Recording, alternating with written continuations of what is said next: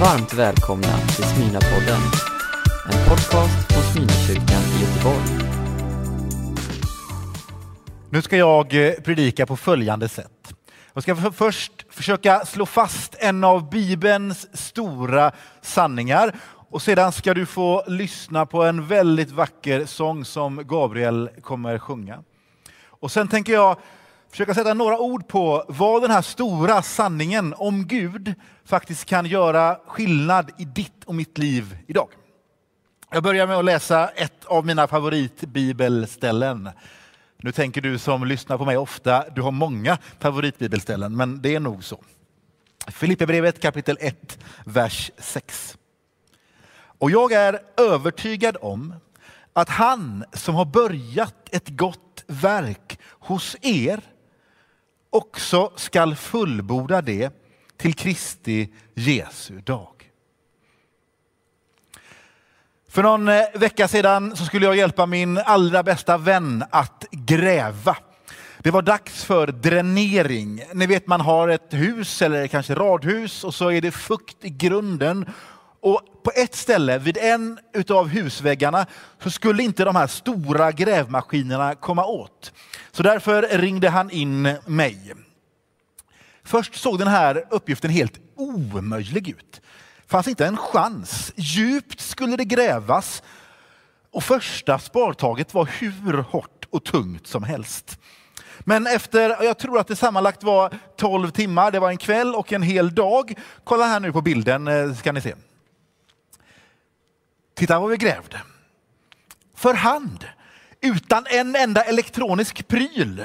Möjligtvis till skillnad, ja, mobiltelefonen var ju där och tog en bild, men annars så gjorde vi det där för hand, jag och min vän. Tack för bilden.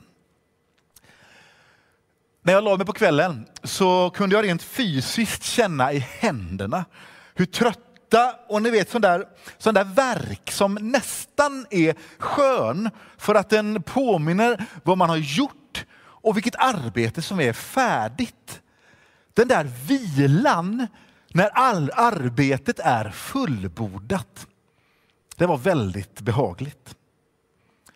Jag ska läsa om hur världen, jorden, allt det som vi vet, hur det blev till. Första Mosebok kapitel 2.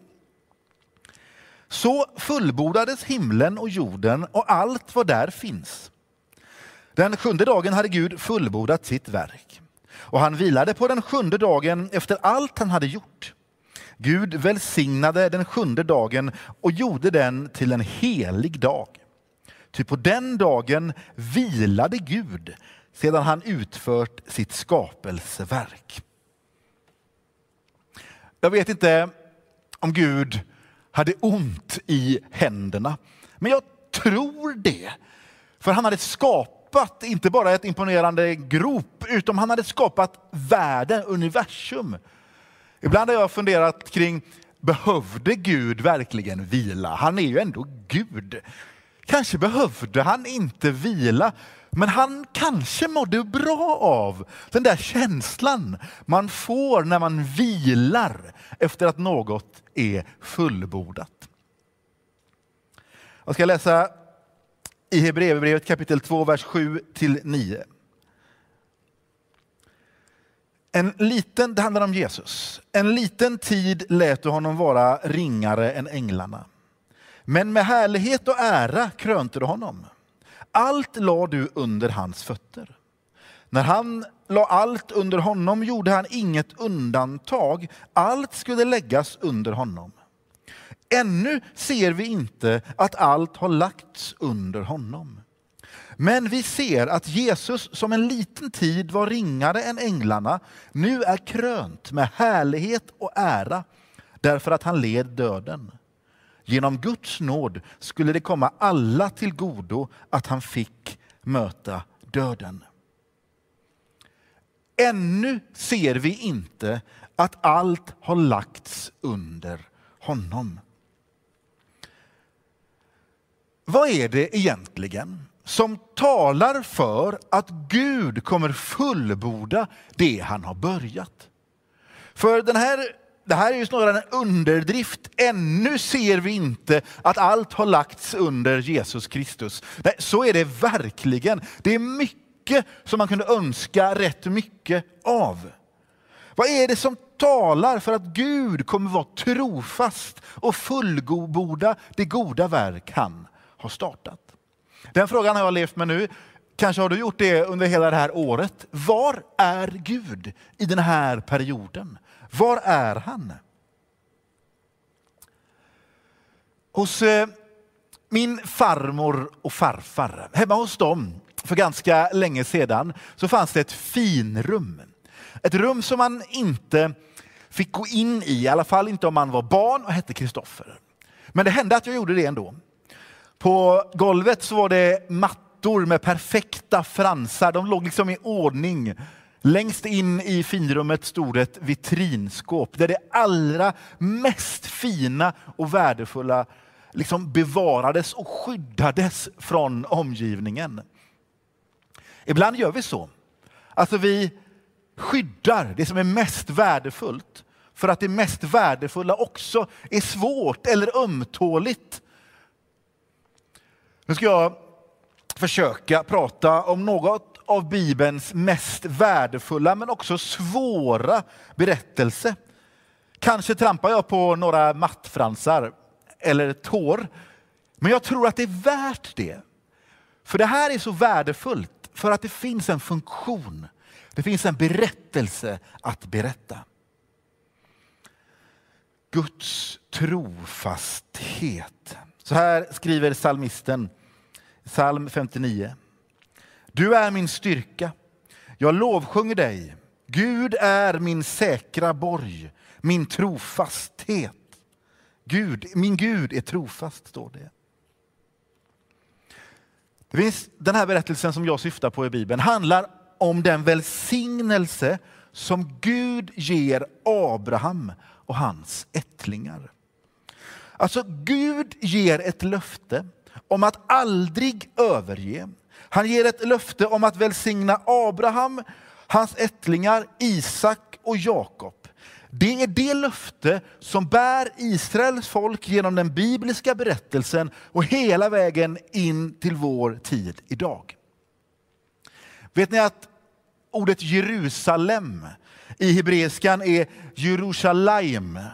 Och det där änden, aim, är en pluraländelse. Jerusalem handlar om både det som händer på, på det, i det jordiska men också över det himmelska. Och Den bibliska berättelsen är att det himmelska Jerusalem ska sänka sig över det jordiska på Jesu sista dag. Det är en berättelse som börjar med välsignelsen över Abraham. Så här står det i Första Mosebok kapitel 22.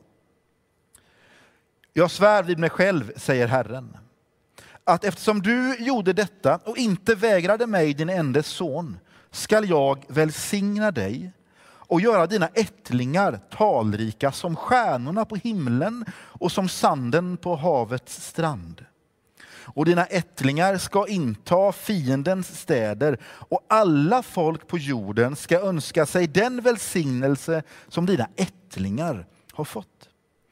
Detta, detta ska ske därför att du lydde mig. Den bibliska historien, ja, och även vår tid, bär ett vittnesbörd om Guds trofasthet. Gud väljer att låta ett folk vara ett exempel på Guds fasthet.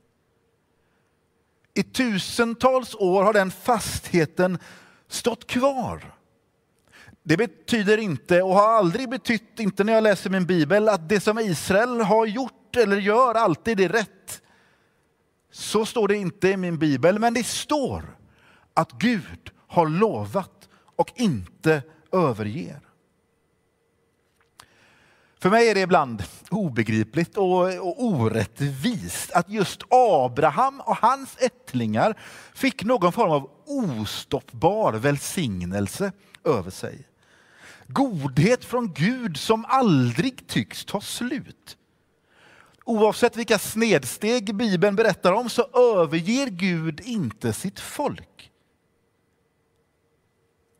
Desto större blir ju bilden av Guds trofasthet. Trots allt står Gud fast. Det här är ju obegripligt och orättvist tills det går upp för mig när jag läser om Jesus Kristus. Lyssna i Galaterbrevet kapitel 3. Nu handlar det om hedningarna här. Det är vi, alltså de som inte är födda som judar. Så skulle hedningarna genom Kristus Jesus få den välsignelse som gavs åt Abraham och vi sedan får den utlovade anden på grund av tron. Lyssna noga nu på varje ord. Guds löfte till sitt folk ersätts inte med ett annat. Uppfylls och fortsätter med Jesus Kristus. Du och jag och alla de som säger sitt ja till Jesus får ta del av det mångtusenåriga löftet. Det exempel, den trofastheten som gavs över Abraham. Det löftet sköljs över dig och mig. Det löftet förvandlar oss genom Jesus Kristus. Så här står det i Johannes kapitel 4. Jesus sa, min mat är att göra hans vilja som har sänt mig och fullborda hans verk. I Jesus Kristus får vi ta del av den enorma godhet som har burit från Bibelns första kapitel och berättelser till Bibelns allra sista. Hans godhet tar aldrig slut och den sköljs över dig.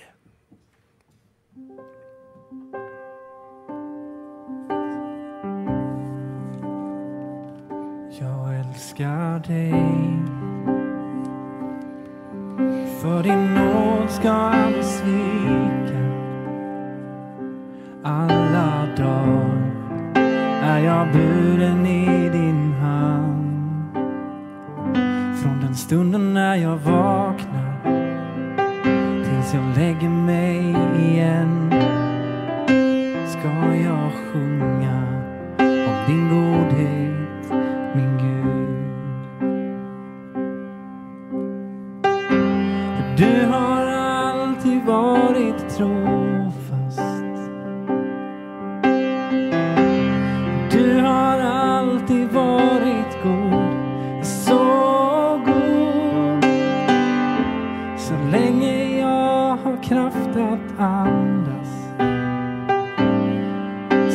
ska jag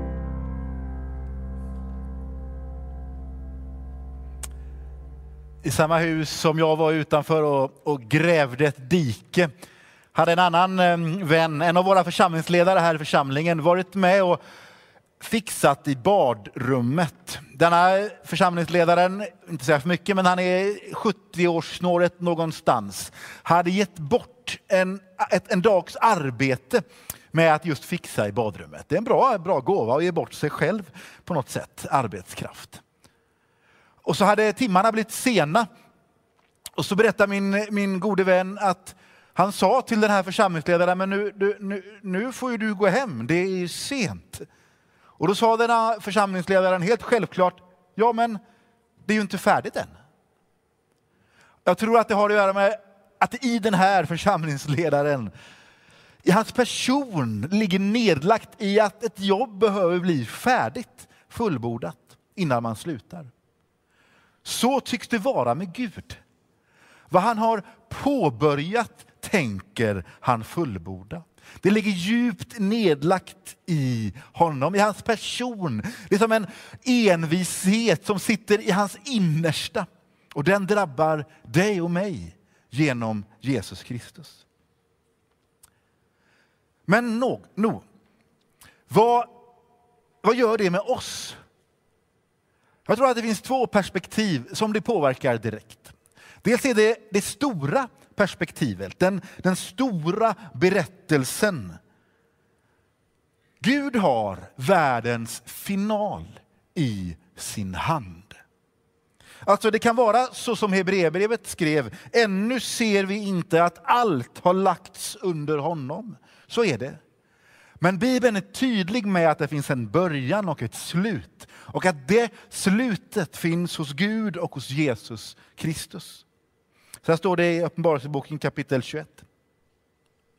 Och han som satt på tronen sa, se, jag gör allting nytt.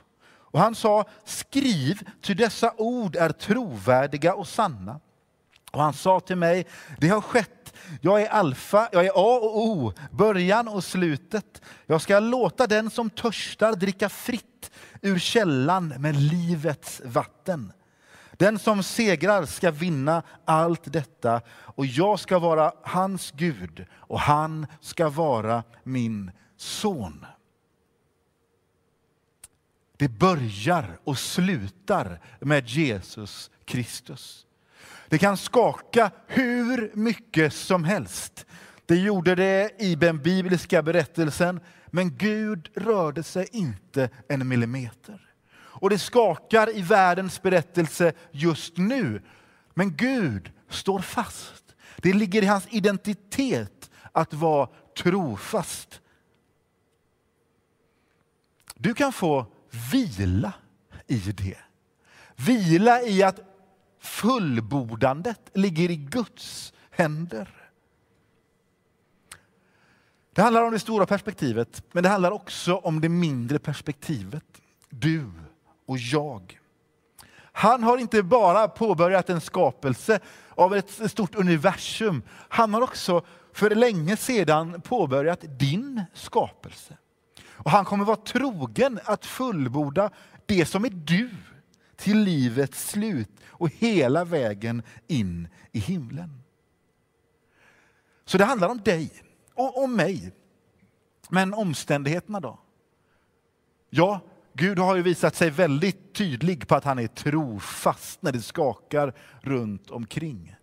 Men när det inte bara handlar om det som är runt omkring, utan det som också är i mig och i dig. Dina och mina snedsteg. Så här säger Bibeln, första Johannesbrevet kapitel 1, vers 9.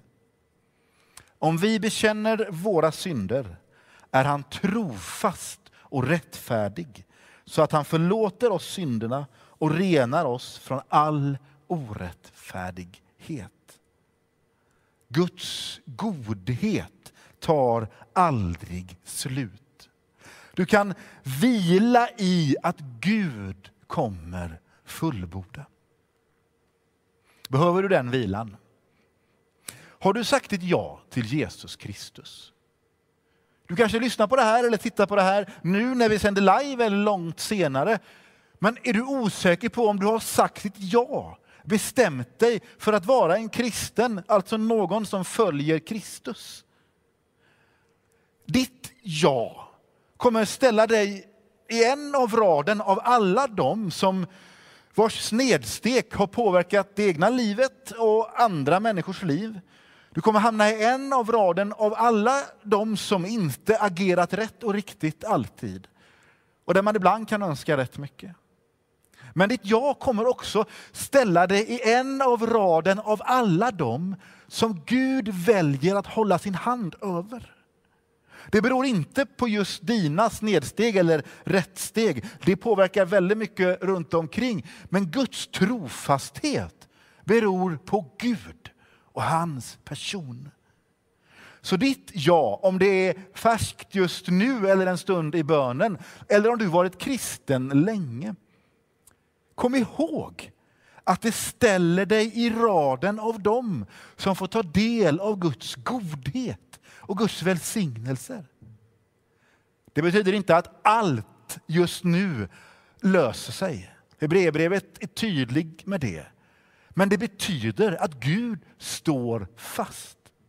Det gäller det stora perspektivet om världen. Men det gäller också ditt perspektiv.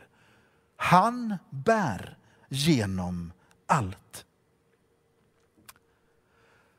När jag stod där i dräneringsdiket och grävde med min vän blev det tydligt för mig att jag hade aldrig klarat det ensam. Alltså rent matematiskt hade det ju bara tagit dubbelt så lång tid. Men det hade aldrig gått. För det är någonting när man gör något tillsammans i gemenskap. När jag för en stund tog en paus, sträckte mig efter vattenflaskan så kunde jag höra hans spadtag. Han fortsatte ju att gräva fast att jag pausade. Vi ska alldeles strax be. För mig är bönen på ett sätt som ett grävande. Man kommer med det man har och kan säga allt av det man har till Gud. Man tar sitt grävtag. Sedan pausar man och så lyssnar man efter Guds spadtag. För i vår relation med Gud så är det Gud som gräver mest. Du kan vila i det. Du kan vila i att om det gör ont i ditt liv just nu så gör du ännu mer ont i Guds liv. För han gräver med dig. Han bär dig. Hans händer bär sår från ditt liv. Han gräver med dig. Jag tror att det är viktigt att vi ser verkligheten för vad den är. Vi är inte en verklighetsfrånvänd rörelse. Vi är verklighetstillvända. Vi är kallade till att göra skillnad i världen, att se, att ta in och göra skillnad. Men vi hämtar vår fasthet från något annat. Vi möter och vi kommer möta utmaningar. Det här året har övertygat mig om det. Att vi är i en sådan tid där utmaningarna ibland är större än vad vi tror och vad vi kan mäkta med. Samtidigt är jag mer övertygad än någonsin om att han som har börjat ett gott verk hos dig kommer vara trogen, stå fast och fullborda det till Jesu Kristi dag. Amen.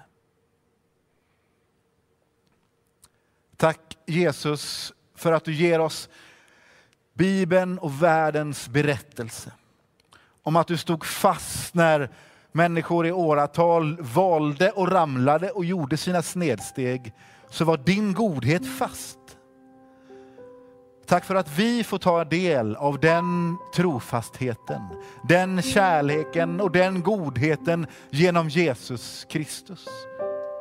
Tack för att den välsignelse som bar genom tusentals år, samma välsignelse bär oss idag. Herre, nu vill vi höra dina spadtag i våra liv.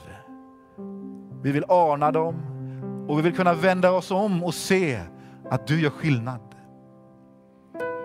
Tack för din trofasthet. I Jesu namn. Amen.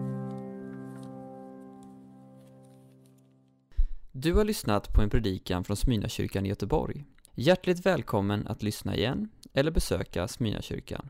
Gud välsigne dig och din vecka.